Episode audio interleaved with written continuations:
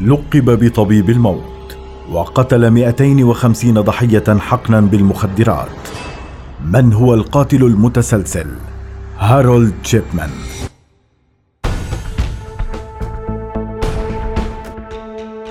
ولد هارولد تشيبمان في مقاطعة ليدز في إنجلترا عام 1946 وعاش طفولة منعزلة بصحبة أم متسلطة.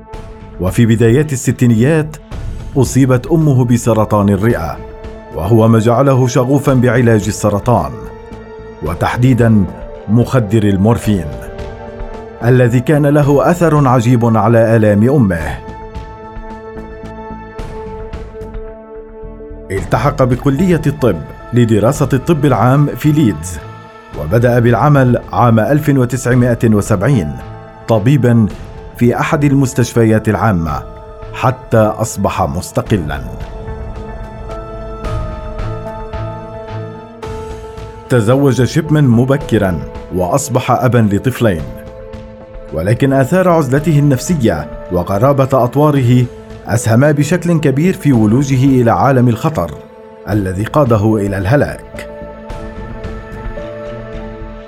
بحلول منتصف السبعينات كان هارولد شيبمان مدمنا للمورفين ومشتقاته من مسكنات الأمراض المزمنة. ولكن الإدمان يفضح صاحبه.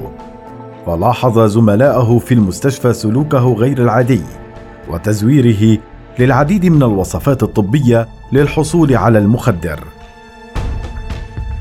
فقاموا بتحذيره ولكن كما هو المتوقع لم يمتثل وكان لابد من الإبلاغ عنه. وبعد فصله من عمله التحق بأحد برامج علاج الإدمان وعوقب بغرامة محدودة بتهمة التزوير.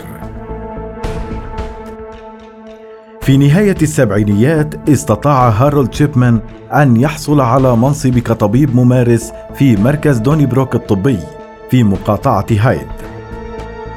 واستطاع بكفاءة أن يستعيد ثقة المحيطين به. وأن يصبح طبيبا بارعا وملتزما على الرغم من غروره الواضح وتعاليه على زملائه الأقل سنا.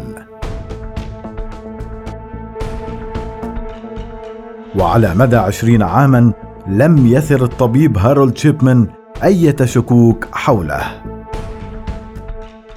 وبينما كان عدد مرضاه الذين ينتهي بهم الأمر إلى الموت يزداد. لم يكن أبدا هارولد شيبمان محل شكوك.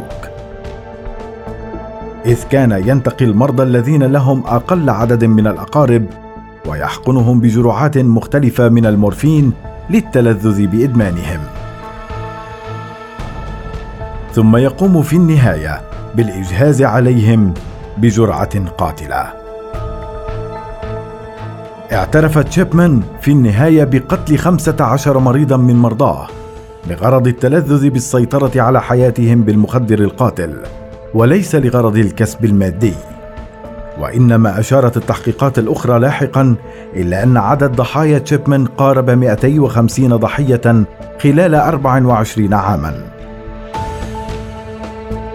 إلا أن المحكمة رأت أن ثبوت قتله لخمسة عشر ضحية بالاعتراف كافية ليقضي حياته في السجن. وفي نهاية عام 1999 حكم على هارولد شيبمان بخمسة عشر حكما مؤبد من دون إمكانية إطلاق سراح. وفي عام 2004 عثر على جثة طبيب الموت هارولد شيبمان منتحرا في زنزانته في أحد سجون إنجلترا شديدة الحراسة.